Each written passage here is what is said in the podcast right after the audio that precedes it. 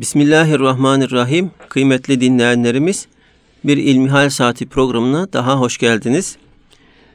Yüce Allah'ın selamı, rahmeti ve bereketi hepimizin üzerine olsun. Değerli dinleyenlerimiz, sizlerden bize gelen soruları malumunuz olduğu üzere değerli hocamız Doktor Ahmet Hamdi Yıldırım cevaplandırıyor. Muhterem hocam, ilk sorumuz tüp bebekle ilgili. Tüp bebek yöntemiyle çocuk sahibi olmak caiz midir diye sormuş bir dinleyenimiz. Elhamdülillahi Rabbil Alemin ve salatu ve selamu ala Resulina Muhammedin ve ala alihi ve sahbihi ecmain. Cenab-ı Allah insanı bir dişiden bir erkekten yarattığını beyan ediyor. Adem Aleyhisselam'ı yarattıktan sonraki Adem Aleyhisselam'ın yaratılışı hepimizin bildiği üzere çamurdan olmuştur. Daha sonra Cenab-ı Allah Adem'den Havva validemizi yaratmış. Her ikisinden de yeryüzündeki bütün insanları yaratmıştır. Yaratılış hikmetleri değerlendirildiğinde Cenab-ı Allah tek bir noktaya yaratılış hikmetimizi, hedefimizi, gayemizi bağlar. Allah'a kulluk yapmak. İnsanın yeryüzündeki ana vazifesi Cenab-ı Allah'a kulluk yapmaktır.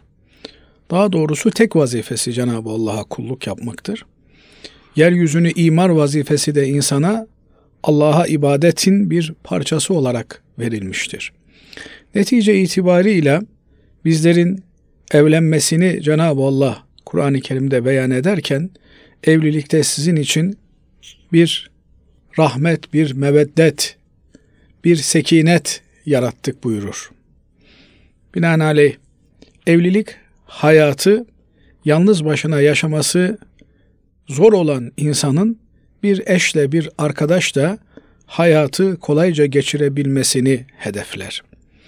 Bunun en temel hikmeti sekinet denilen insanın ruhunun huzur bulmasıdır dingin hale gelmesidir. Artık bir kendisini çeken limana doğru kendisini artık dalgalı denizlerden huzura ve rahata kavuşturmasıdır. Evliliğin bir başka nedeni ve hikmeti de evliliğin bir sevgi bağı üzerine tesis ediyor olmasıdır. Binaenaleyh eşler birbirlerine meveddet, muhabbet duyarlar. Bu meveddet ve muhabbet neticesinde aralarındaki bağ güçlenir ve kopmaz, parçalanmaz bir hale gelir. Bir dönem sonra da ki genelde artık ihtiyarlamaya yakın bir döneme gelindiğinde aradaki bu ilişkinin renginde yoğun olan unsur rahmete dönüşür. Bakarsınız eşlerden bir tanesi hastalanmıştır, diğeri ona yıllarca bakar, hiç yüksünmeden, hiç kendisine ağır gelmeden onun hizmetini görür. İşte bu da rahmet aşamasıdır. Binaenaleyh evlilik huzur bulmak için tesis edilen bir müessesedir. Bu müessese tesis ettikten, oluşturulduktan, kurulduktan sonra eşler arasında sevgi ve muhabbet ağır basar. Bir müddet sonra artık sevgi ve muhabbet daha öte bir manaya kendini evirir. O da artık rahmet olarak eşler arasında tecelli eder. Bu yönüyle evlilik bizatihi Allah'ın ayetlerinden bir ayet olarak Kur'an-ı Kerim'de tasvir edilmiştir. Evlilik illa bir çocukla taşlandırılacak demek değildir. Elbette evlilikte çocuk aile müessesesinin ağacının meyvesi olarak kabul edilir ve evlilik hayatını bir cennet hayatına çevirir. Fakat çocuk olmadığı zaman bu evlilik bir cehenneme dönüşecek, karşılıklı olarak bir kavga sebebi yapılacak demek de değildir. Binaenaleyh evliliğin bizatihi kendisi eşler arasında bir sekinet, meveddet, muhabbet ve rahmet olarak tecelli eder. Eşler tabiri caizse birbirlerini bakılacak, büyütülecek bir çocuk olarak görürler ve rahmet duyguları evlilik ilerledikçe karşılıklı olarak eşlerde ağır basmaya başlar.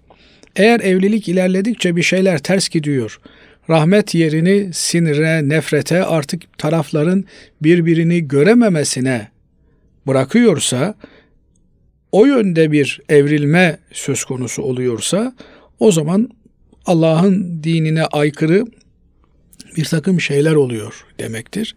Bir takım isyanlar, bir takım günahlar ortada söz konusudur ve bunların yan tesiri olarak eşler arasında huzursuzluk ortaya çıkıyordur. Nitekim Evliyaullah'tan, büyük zatlardan şöyle rivayetler yapılmaktadır. Büyüklerden biri diyor ki, ben diyor Allah'la aram açıldı mı, düzeldi mi noktasını hanımdan anlayabiliyorum diyor. Eğer Allah'la aram iyi ise hanımın bana davranışı, tutumları değişiyor, iyileşiyor. Eğer ben Allah'a karşı kusurluysam, hatalıysam hanımın bana karşı tavırları da değişiyor. Aynı şekilde kadın için de bu durum söz konusu. Eğer Efendimiz Aleyhisselatü Vesselam buyuruyor ki evlerinizde Bakara suresi okunmuyorsa, Kur'an-ı Kerim okunmuyorsa o evler harabe, virane yerler demektir. Yani baykuşların ötüştüğü, efendim matemlerin kol gezdiği yerler haline gelmektedir.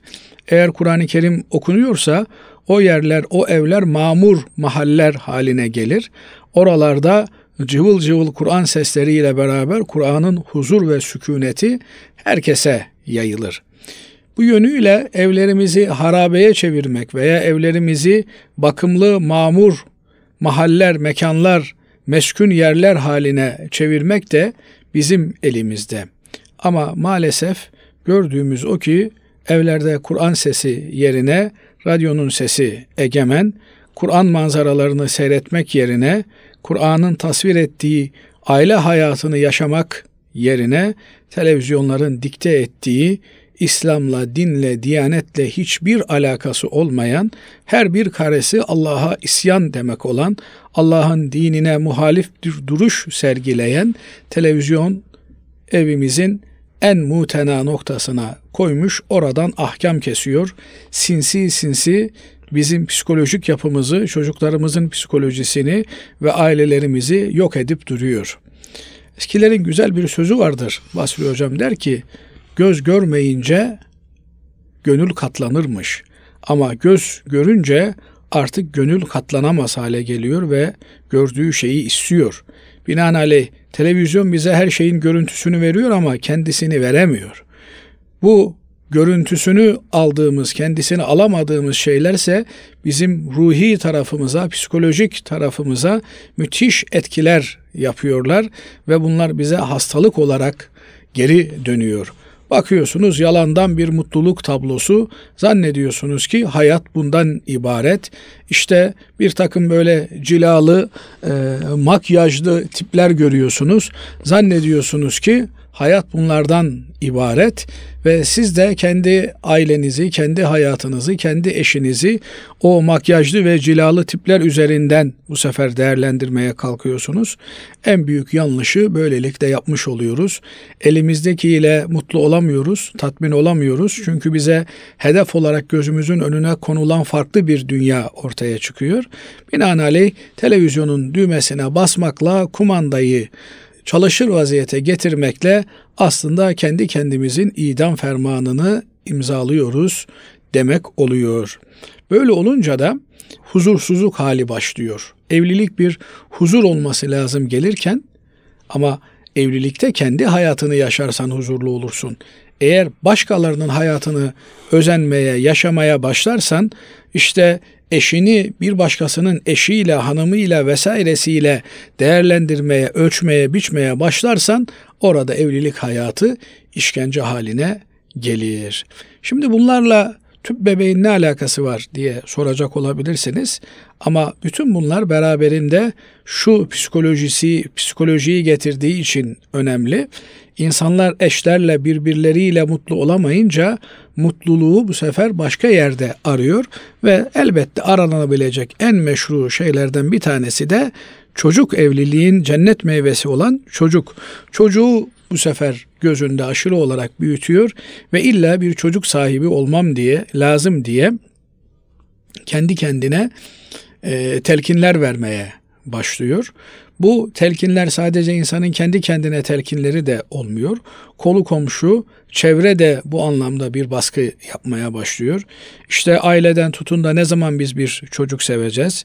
Hala çocuk olmadı mı türünden söylemler, sözler bunlar hiç yakışık almayan şeyler. Sanki çocuğun olması, dünyaya gelmesi bireylerin elinde bir tasarrufmuş gibi bunu değerlendirmek, düşünmek çok cahilce, cahilane bir meseledir. Cenab-ı Allah buyuruyor ki yüzevvicuhum zukranen ve inatha. Cenab-ı Allah dilediğine e, çift çift evlat verir. Kız erkek evlat verir. Dilediğini evlatsız kılar. Dilediğine erkek evlat verir. Dilediğine sadece kız evlat verir. Binaenaleyh Cenab-ı Allah ne vermişse ona razı olmak gerekir. Vermemesi de bir lütuftur, vermesi de bir lütuftur. Nitekim Kur'an-ı Kerim'deki Kehf suresi aslında Hızır kıssasını barındıran bu surede Hızır Aleyhisselam'ın bir çocuğun ölümüne sebep olması e, bu yönüyle e, düşünüldüğünde bazen bir insanın çocuğunun olmaması bir takım kötü örnekleri gördüğünde Allah'a şükretmesi, hamd etmesi gereken bir durum olarak karşımıza çıkar. Nitekim buyuruyor ki Hızır Aleyhisselam talil sadedinde bu çocuk büyüyünce asi olacaktı Cenab-ı Allah'a ve anne babasını da isyankar yapacaktı. Hakikaten birçok anne babanın doğru yolu bulmasına çocukları vesile olduğu gibi doğru yoldan çıkmasına da çocukları vesile olabiliyor. Ahir zamanına doğru insanlar elleri ayakları tutmaz hale geldiğinde çocuklarına bir itimat telkin eder mahiyette bakıyorlar. Onları kendilerine bir güvence olarak görüyorlar. Ama bu dönemlerinde eğer çocukları hayırsız çıkmış ise onların helakına sebep oluyor, maddi manevi kayıplarına sebep olabiliyor. Ben birçok kimse tanıyorum. İşte 60 yaşına, 70 yaşına kadar zengin yaşamış ama çocuklar büyümüş. Artık baba ticaret öyle yapılmaz, böyle yapılır. İşte insanlar kısa yoldan zengin oluyorlar diye paranın kumandasını eline almış ve birkaç ay içerisinde adamı lokontalarda e, efendim e, tabak yıkayacak bir ahçı yamağı haline getirmiş kimseler tanıyorum. Allah muhafaza eylesin. Dolayısıyla Cenab-ı Allah'tan her şeyin hayırlısını istemek lazım. İlla çocuk diye tutturmamak lazım. İlla kız olsun, illa erkek olsun diye de böyle nokta atışı Cenab-ı Allah'a davacı olmamak lazım. Cenab-ı Allah vermişse hayırlı eylesin. Vermemişse hayırlı eylesin. Verdiğini hayırlı eylesin. Allah ne vermişse onu bizlere hayırlı eylesin Amin. diye Cenab-ı Allah'ın verdiğine rıza göstermek lazım. Mamafi bütün ümmeti Muhammed'in çocukları da bizim çocuklarımızdır. Eğer bizim zürriyetimizden, bizim sulbümüzden bir çocuk gelmemişse herhangi bir şekilde açta açıkta kalmış olan bir çocuğa koruyucu aile olarak hizmet görebiliriz. Cenab-ı Peygamber Efendimiz aleyhissalatu vesselam bir yetime kefalet eden, onu himaye eden cennette benimle böyledir buyurmakta. Yani iki parmağını birbirine kavuşturarak bu iki parmak nasıl yan yanaysa cennette de ben bir yetime kefil olan, onun masraflarını karşılayan, onu himaye eden kimseyle böyle beraberim buyurmakta. Elbette Cenab-ı Allah kimilerine çocuk veriyor, onlardan merhamet duygusunu alıyor veya işte anne baba bir takım sebeplerden dolayı ölmüş olabiliyor. O çocuklar ortada kalıyor. Kimilerine de çocuk vermiyor. Siz de bu çocuklara sahip çıkın buyuruyor. Burada İslam'ın öngördüğü koruyucu aileliktir.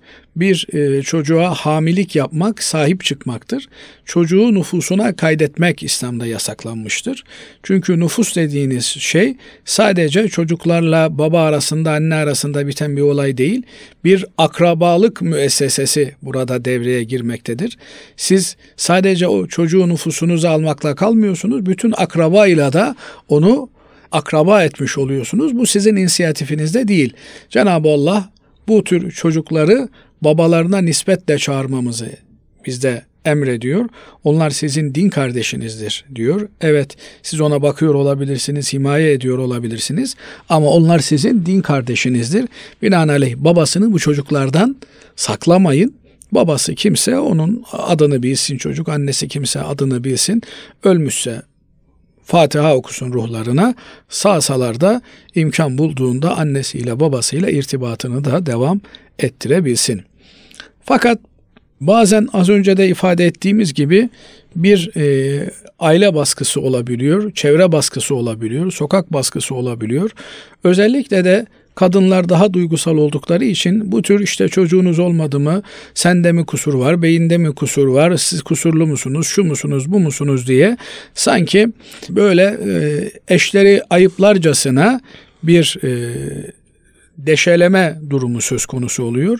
Bunlar da zaman içerisinde psikolojik bunalıma dönüşebiliyor. Eğer bu psikolojik bunalıma dönüşme aşamasına gelmiş ise artık bir takıntı haline gelmiş kadın kendisini veya bey kendisini eve kapatmış, asosyalleşmiş, kimseyle görüşmek istemiyor, insan içerisine çıkmak istemiyor. Bu durum bu durum böyle bir hal almışsa artık burada Allah'ın korunmasını emrettiği akıl sağlığıyla bir takım özel durumlar arasında kalınılmış demektir. Bu durumda akıl sağlığının korunması ehemmiyet arz eder ve bu duruma, bu raddeye, bu sınıra gelmiş olan kimselerin tüp bebek tedavisi dedikleri tedavi yöntemiyle doktora müracaat etmeleri söz konusu olabilir. Niye bu aşamaya gelinceye kadar buna müsaade edilmez? Çünkü mecellemizin ana ilkelerinden bir tanesidir. E, Defi madarrat celbi maslahattan evladır. Yani çocuk sahibi olmak bir maslahattır, bir menfaattir, güzel bir iştir. Ama bu çocuk sahibi olmak için bir takım haram unsurlarla karşı karşıya kalmak gerekiyorsa, işte avret mahallinin kadın erkek doktora muayene ettirilmesi vesaire gibi durumlarla karşılaşılıyor ise keyfe keder olan bir noktada buna müsaade edilmez. Ama eğer akıl sağlığıyla böyle bir haramı işlemek arasında kalınılmış ise o zaman akıl sağlığı her şeyin üstünde bir hal alır. E, akıl sağlığı bozulmasın diye hakikaten e, bunu da toplumda görüyoruz. İşte içine kendini kapatmış olan bir e, kardeşimiz e, bu tür tedavi yöntemleriyle çocuk sahibi olduktan sonra e, yavaş yavaş tekrar sosyalleşmeye başlıyor ve yani hocam e, araya giriyorum ama e, akıl sağlığı dediğiniz hani biraz da bunu açabilir misiniz? Yani biraz çok uç bir nokta değil mi? Yani akıl sağlığı deyince insanlarımız genelde delirmek şeklinde anlıyor. Tabii akıl ve ruh sağlığı sadece delirmek olarak karşımıza çıkmıyor. Bugün birçok psikolojik hastalık e, ruh sağlığımızın, akıl sağlığımızın bozulması anlamına e, geliyor. Özellikle de sıhhat kavramı e, tanımlanırken sıhhat bedenen, ruhen ve aklen sağlıklı olmak demektir diye tanımlanıyor. Binaenaleyh bedenimizin sağlıklı olması kadar ruhumuzun ve aklımızın da sağlıklı olmasına ihtiyacımız var. Düşünün mesela kendisini eve kapatmış, kimseyle görüşmek istemeyen, çocuk istemeyen, görmek istemeyen bir kadın ruhen e, psikolojik bunalıma girmiş demektir. Bu bir e, ileri aşamada takıntı haline gelecek ve akıl sağlığı da bu sefer e, bozulacak demektir. Dolayısıyla bu aşamaya gelmiş olan biri yani artık depresyon hapı kullanmak durumunda kalmış olan biri anlaşılıyor ki artık bu eşiği aşmış, tedavi olması artık bir zorunluluk haline gelmiş demektir. Ama 3 aylık 5 aylık evli olan bir çift hemen işte gidelim biz tüp bebek yapalım demeleri de doğru bir şey değildir. Belli bir müddeti geçirmeleri bu müddet geçtikten sonra sağdan soldan gelen psikolojik baskılara dayanabilecek güçlü karakterli insanlar varsa bunlara karşı koyarlar. Cenab-ı Allah'tır çocuğu veren de alan verdiğinde de aldığında da ona itiraz edecek halimiz yok. Vermediğinde de itiraz edecek halimiz yok. Sonra şu demek de değil tabii yani her tüp te- bebek tedavisi çocuk sonucu verecek demek de değil. Nitekim birçok insanlar da tüp bebek tedavisine müracaat ediyorlar ama bir sonuç alamıyorlar. En büyük tedavi insanın Cenab-ı Allah'la dua halinde olmasıdır, dua edebilmesidir. Duayı ederken de Hz. Peygamber aleyhissalatü vesselam Efendimiz ve entum muqinune bil icabe buyuruyor. Yani karşılığını alacağınızdan emin olarak dua ediniz. Bu aynı zamanda da insanın kendisine telkin etmesi anlamına geliyor. Cenab-ı Allah insan vücuduna öyle bir yapı yerleştirmiş ki bu yapı kendi kendini tedavi edebiliyor. Yeter ki bu kendi kendini tedavi edebilme aşamasında doğru adımlar atabilelim. Bu noktada en önemli unsurlardan bir tanesi de dua unsurudur. İnsanın kendisine telkin vermesidir. Cenab-ı Allah'a iltica etmesidir. Onun yardımına başvurmasıdır. Mamafi bu bir e, psikolojik rapor, raporla tespit edildikten e, sonra yani artık bu çocuk bekleme aşamasının psikolojik bir takıntı haline geldiği tespit edildikten sonra artık bunun tedavi yöntemlerine bakılır.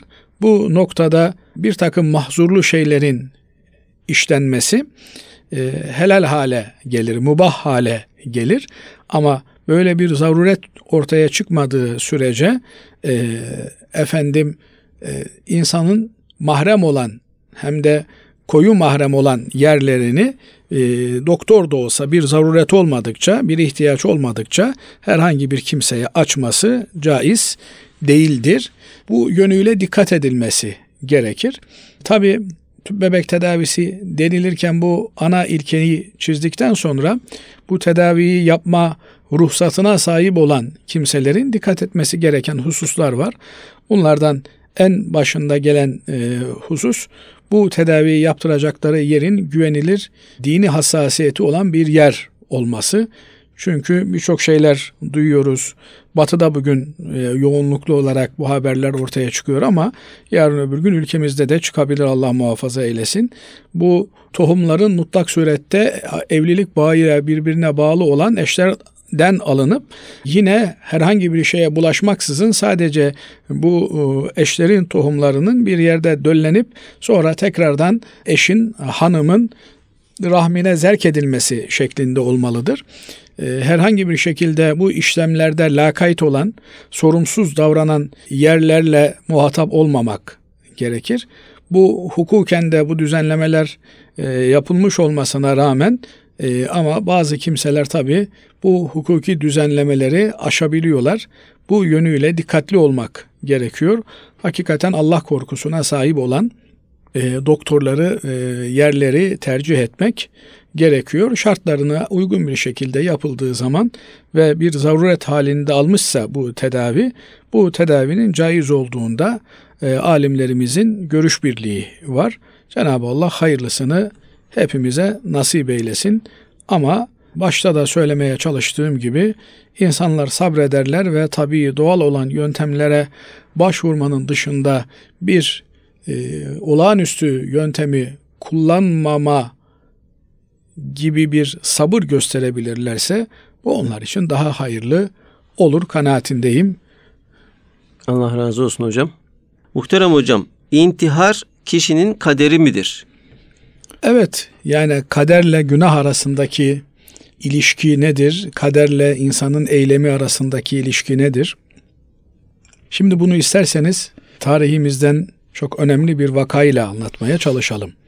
Hazreti Ömer Efendimiz Şam'a girecekken e, Mekti Makdis'e, Kudüs'e gitmek üzere yola çıkmış. Şam'da bir bölgeden geçecekken diyorlar ki efendim burada veba hastalığı çıktı diyorlar. Veba hastalığı biliyorsunuz çok e, bulaşıcı, salgın bir hastalık. E, binaenaleyh bu hastalığın olduğu bir yere giren kimsenin oradan sağ çıkması çok zor bir ihtimal. Bunun üzerine Hazreti Ömer Efendimiz beraberindekilerle beraber oraya girmekten vazgeçiyor. Aşere-i Mübeşşere'den olan bir zat diyor ki Ey Allah'ın halifesi, ey Ömer sen Allah'ın kaderinden mi kaçıyorsun diyor. Eğer kaderde başımıza ölüm gelmek varsa öleceğiz demektir. Yoksa yok demektir. Bugün işte işgal edilmiş Filistin toprakları içerisinde bulunan bu bölgede binlerce sahabe efendimiz bu hastalıktan ölüyorlar. Hatta o hastalıktan ölen sahabe efendilerimizin yattığı kabristanı bugün işte e, zalim işgal güçleri yavaş yavaş yok etmeye, imha etmeye, orayı milli park haline getirmeye çalışıyorlar. Hazreti Ömer Efendimiz buraya girmiyor. Girmemesini bu şekilde eleştiren sahabe efendimize de şu tarihi cevabı veriyor.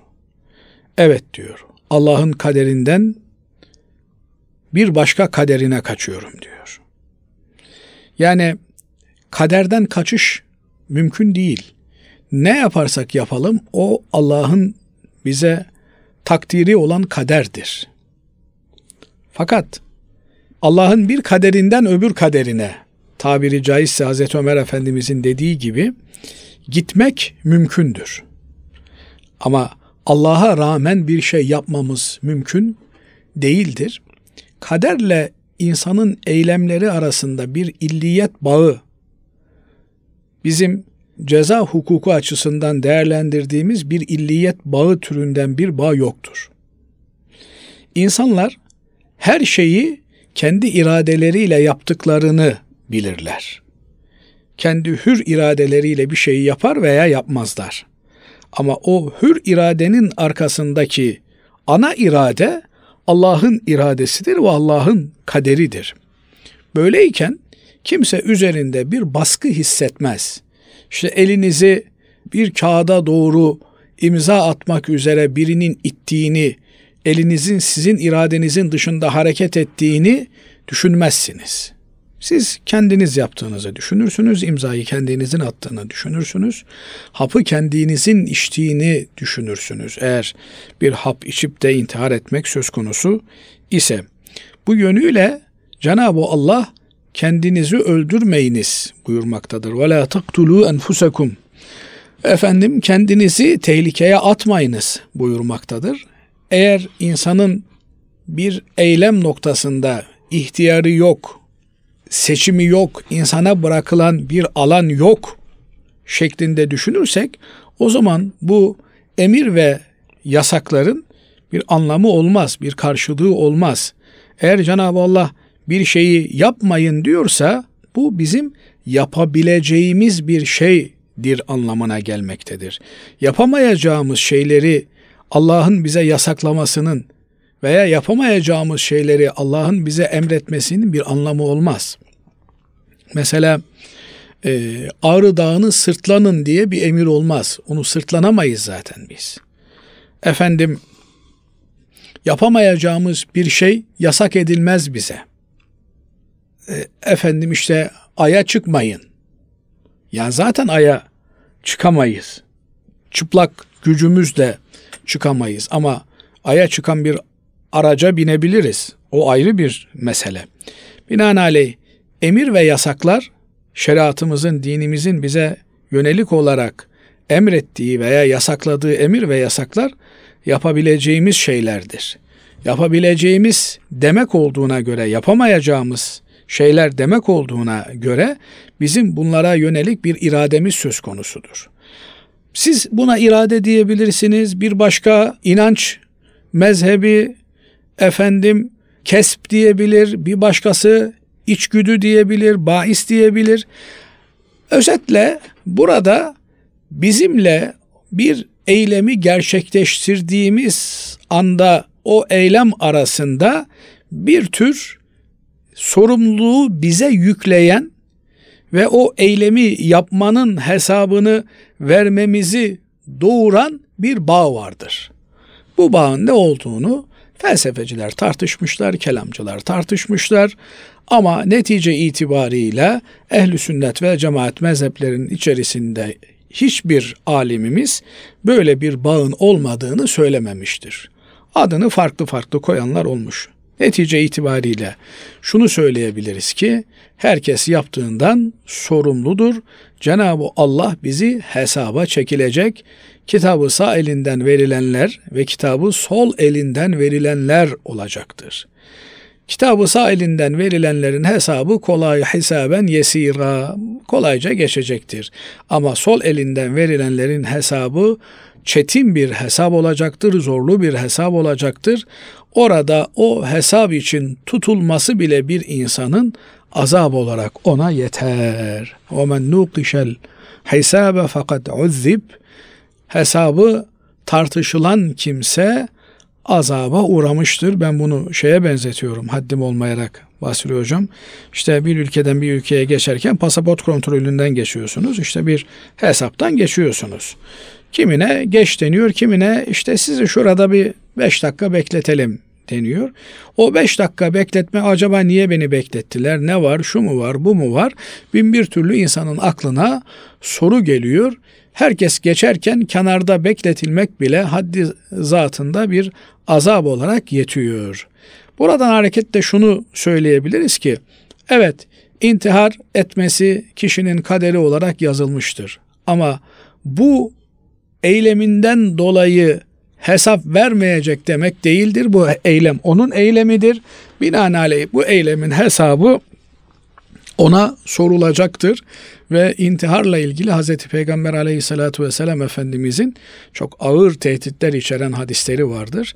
İntihar eden kimseye intihar aletiyle ilgili bir e, ceza verilir. İşte kendisini bıçaklayarak intihar etmişse o sahne ölümsüzleştirilir ve habire kendisini bıçaklayarak intihar eder.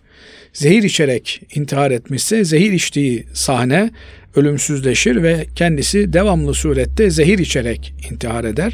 Bir uçurumdan kendisini aşağıya atmışsa yine aynı şekilde o uçurumdan aşağı yuvarlanarak e, ahiret hayatını her daim böyle geçirir ve böyle kendisine azap edilir. Dolayısıyla aklı başında bir Müslümanın intihar etmesi söz konusu olmaz. Bu yönüyle intihar edenin cenaze namazı kılınır mı kılınmaz mı tartışmaları yapılmış. Kimileri demiş ki intihar edenin cenaze namazı kılınmaz. Niye?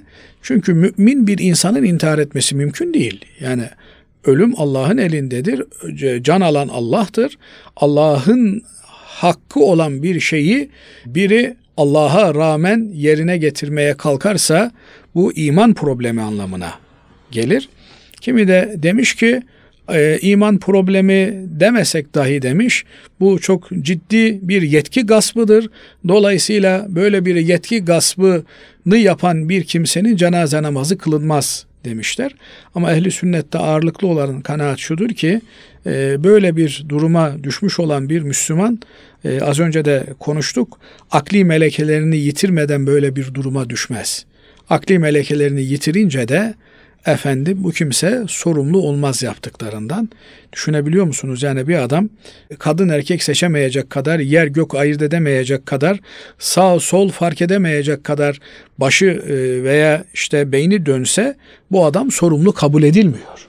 Evet Aynı hocam şekilde, ama şöyle insanın aklına geliyor madem bu kadar e, akli melekelerini kaybetmiş bir kişi kendini asmaya veya intihar etmeyi e, nasıl e, beceriyor, aklediyor?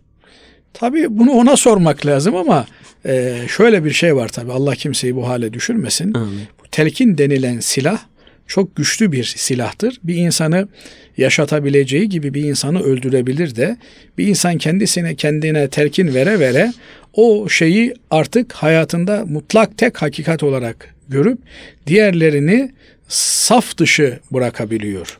Bu yönüyle de tabii baktığınızda aklı akıllı insan gibi hareket ediyor. Ama zihin dünyasında telkin ile kendini telkin ettiği noktaya yönlendirmiş, şartlandırmış olduğundan e, doğru ve düzgün hareket edemiyor.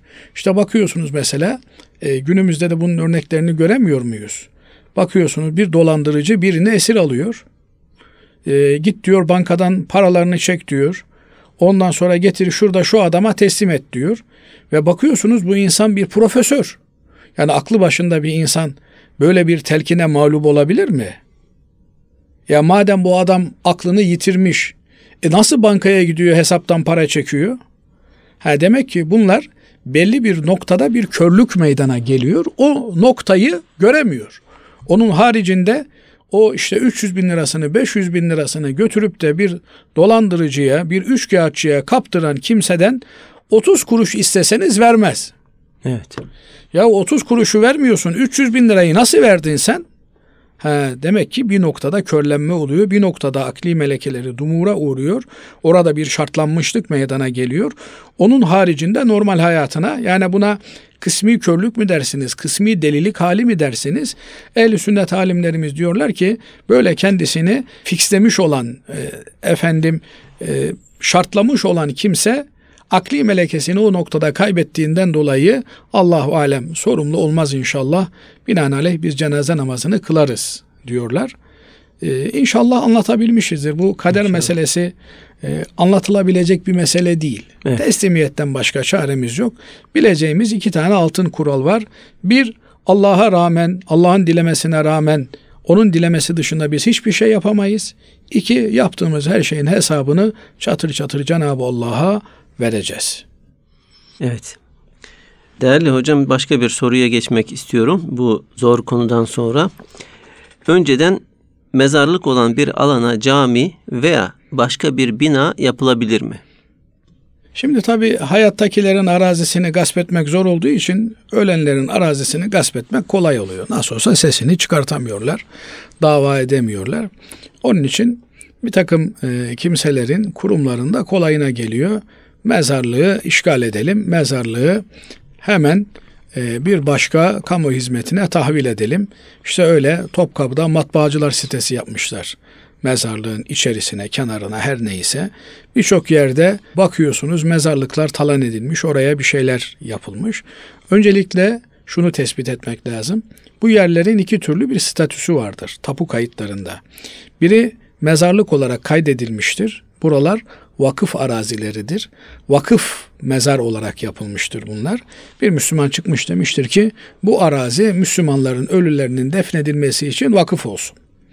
Binaenaleyh Müslümanlar da bu araziye defnedilirler ve herkesin vakıf arazisi olduğu için de küçük defnedilecek bir alanı vardır. Oraya türbe yapamazsın. Oraya üç kişilik, beş kişilik yer işgal edemezsin öldün. Öldüğün için Müslüman biri olarak öldüğün için bir kişinin yatacağı kadar yer hakkın vardır orada. Binaenaleyh bazen böyle kitaplarımızda türbe yapılması yasaktır vesairedir filan denilen yerler bu tür vakıf arazisi olan yerlerdir. Yoksa adam kendi arazisine türbe de yapar, sarayda yapar. O e, öldükten sonra o türbenin içerisine de defnedilebilir, sarayın içerisine de defnedilebilir. Efendim bu israftır. İsrafın günahı ayrıca kendisine sorulur. Ama bir kimsenin malını gasp etmiş değildir. Fakat e, vakıf arazisi eğer mezarlık olarak tahsis edilmişse vakfeden tarafından oraya bir kişiden fazla e, bir kişinin yatacağı yerden fazla bir yer işgalinde bulunmak caiz olmaz. Gasp olur. Helal olmaz o kimseye. İkincisi de özel mülktür. Özel mülke bir defin yapılmıştır. Bu özel mülkün sahibi burayı e, başka bir yere çevirmek isterse o zaman orada bulunan kabirler edebine, adabına uygun olarak şer'i usullerle toplanır bir başka yere nakledilebilir. Nitekim başkasının arazisi üzerine gasp yoluyla bir e, mezarlık inşa edilmişse adam oranın kendi arazisi olduğunu ispat ettiğinde oradaki mezarlıklarla edebine adabına uygun bir şekilde bir başka uygun yere nakledilebilir. Ama öyle anlıyorum ki bugün bu sorusu sorulan e, mezarlıklar kamuoya ait olan mezarlıklardır, vakıf arazisi olan mezarlıklardır. Uzun yıllardan beri Müslümanların defnedildiği mezarlıklardır. Buralara aman aman çok mücbir bir sebep olmadıkça dokunmak doğru değildir, caiz değildir. Evet bu dünyada onların sesi çıkmıyor diye buraları rahatça gasp edebileceğini, talan edebileceğini düşünen insanlar varsa aşağıya gitmemeyi garantilemesi gerekiyor. Yani hani Nasrettin Hoca mezarlığın girişinde bekliyormuş. Ne bekliyorsun demişler. Filan alacaklı mı, borçlu mu bekliyorum demiş. Ya ne yapacaksın buraya gel sonunda buraya gelecek demiş. Yani eğer adam sonunda yerin altına inmeyecekse yerin üstünde istediği gibi ölülerin mezarlarını talan etsin. Ama eğer bir şekilde yerin altına bir gün inecekse aşağıdakiler onu bekliyorlar. Bunu da unutmasın. Onun hesabını ondan çatır çatır sorarlar. Evet. Tabii özellikle büyük kentlerde mezarlık arazileri önem arz ediyor. Değerli hocam, Diğer başka bir soru da şöyle. Hangi dini kitaplar şirk kokuyor? Bu konuda bizi aydınlatabilir misiniz?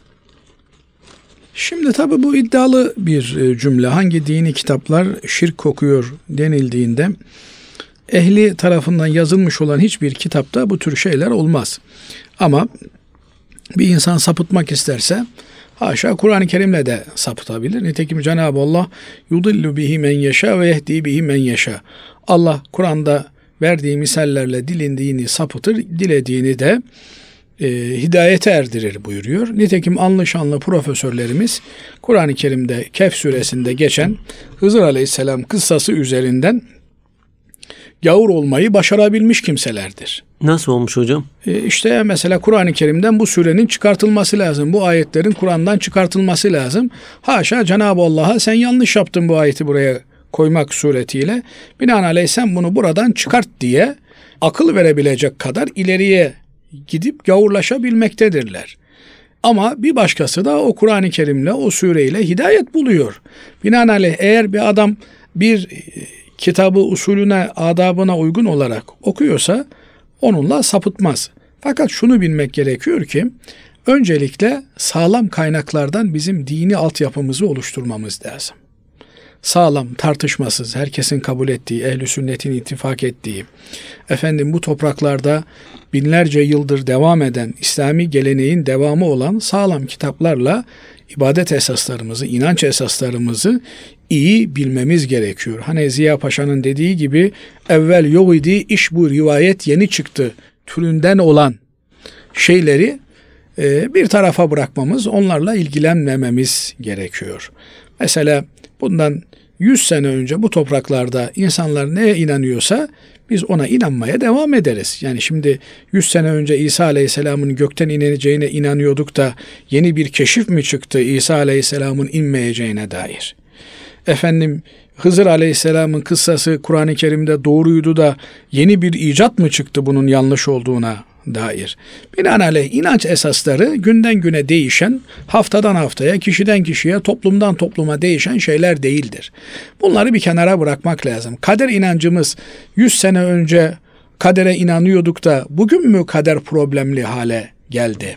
Efendim Osmanlı'nın veya İslam'ın en şaşalı günlerinde kader inancı bizi dünya medeniyetlerinin zirvesine çıkarmıştı, dünyaya galip kılmıştı da bugün o inanca sahip olduğumuz için mi biz medeniyet sahnesinin kıyısında, köşesinde durur hale geldik? Hayır. Dolayısıyla bu inanç esaslarını tartışma konusu yapmamak gerekiyor. Bunların sağlam bilgisine sahip olduktan sonra çünkü Boş zihin ilk neyle karşılaşırsa onları doğru olarak biliyor. Binaenaleyh eğer biz öncelikle zihinlerimizi doğru şeylerle doldurursak ondan sonra hangi kitabı okursak okuyalım bunların bize bir zararı olmaz. Anlamadığımız şeyi edebine, adabına uygun bir şekilde ehliyle tartışarak çözebiliriz. Burada temel problem bizim kafamıza uymuyor diye bir şeyi reddetmeye kalkışmamızdır. Eğer öyle oluyorsa bizim hiçbir şeyi kullanmamamız gerekiyor. Benim hala aklım almıyor işte bu cep telefonu uzaktaki bir telefon sesi buraya nasıl getiriyor? Ama kullanıyorum. Yani aklım almıyor diye bunu reddedecek olursam o zaman benim birçok şeyle ilgili problemim olması gerekir. Bu yönüyle önce sağlam bilgileri aldıktan sonra her türlü kitabı okuruz. Allah'ın kitabı Kur'an-ı Kerim'in dışında her şey kabul veya reddedilebilir. Hz. Peygamber aleyhissalatü vesselam Efendimizin mübarek ağızlarından çıkan sözler dışında herkesin sözü kabul veya red edilebilir. Ama iş Kur'an olunca, iş Peygamber aleyhissalatü vesselam Efendimizin sözü olunca orada akan sular durur. Onun ötesinde bir şey söylemek mümkün değildir. Kur'an ve sünnet bilgisine sağlam bir şekilde sahip olan bir kimse istediği kitabı okur. Yanlış bir şey varsa ona yanlış der. Nitekim geçen böyle bir kitap okuyorduk, mütalaa ediyorduk. Bir profesör hocamız, tasavvuf profesörü bir hocamız kitabı tercüme etmiş. Bu söz yenilir, yutulur bir söz değil diye arkadaşlar arasında konuştuk. Peşinden aslına bakalım acaba tercüme doğru mu dedik. Aslına baktığımızda hakikaten gördük ki tercüme yanlış yapılmış. Şimdi bazen de böyle oluyor. E, bu sefer e, yanlış tercümeyi biz benimsemiş olabiliyoruz. Bu yüzdendir ki e, şeyhi olmayanın şeyhi şeytandır demişler. Yani eğer bir hocanız yoksa o zaman okuduğunuzu şeytanla beraber yorumlayarak anlarsınız demektir bu. Her şeyi okuyabilirsiniz. Önemli olan hocanızla beraber sizin e, mütalaa ettiğiniz, bilgi danıştığınız, e, beraber müzakere yaptığınız bir muhakkak bir büyüğünüz, bir hocanız olmalı. Onunla beraber tartışırsınız, eğrisini, doğrusunu ayıklarsınız. Doğru olana başüstü, eğri olana da güle güle dersiniz. Evet, Allah razı olsun. Cümlemizden. Değerli hocam, teşekkür ediyoruz bu güzel program için. Kıymetli dinleyenlerimiz bir İlmihal Saati programımızın daha sonuna ermiş bulunuyoruz. Hepinizi Allah'a emanet ediyoruz efendim. Hoşçakalın.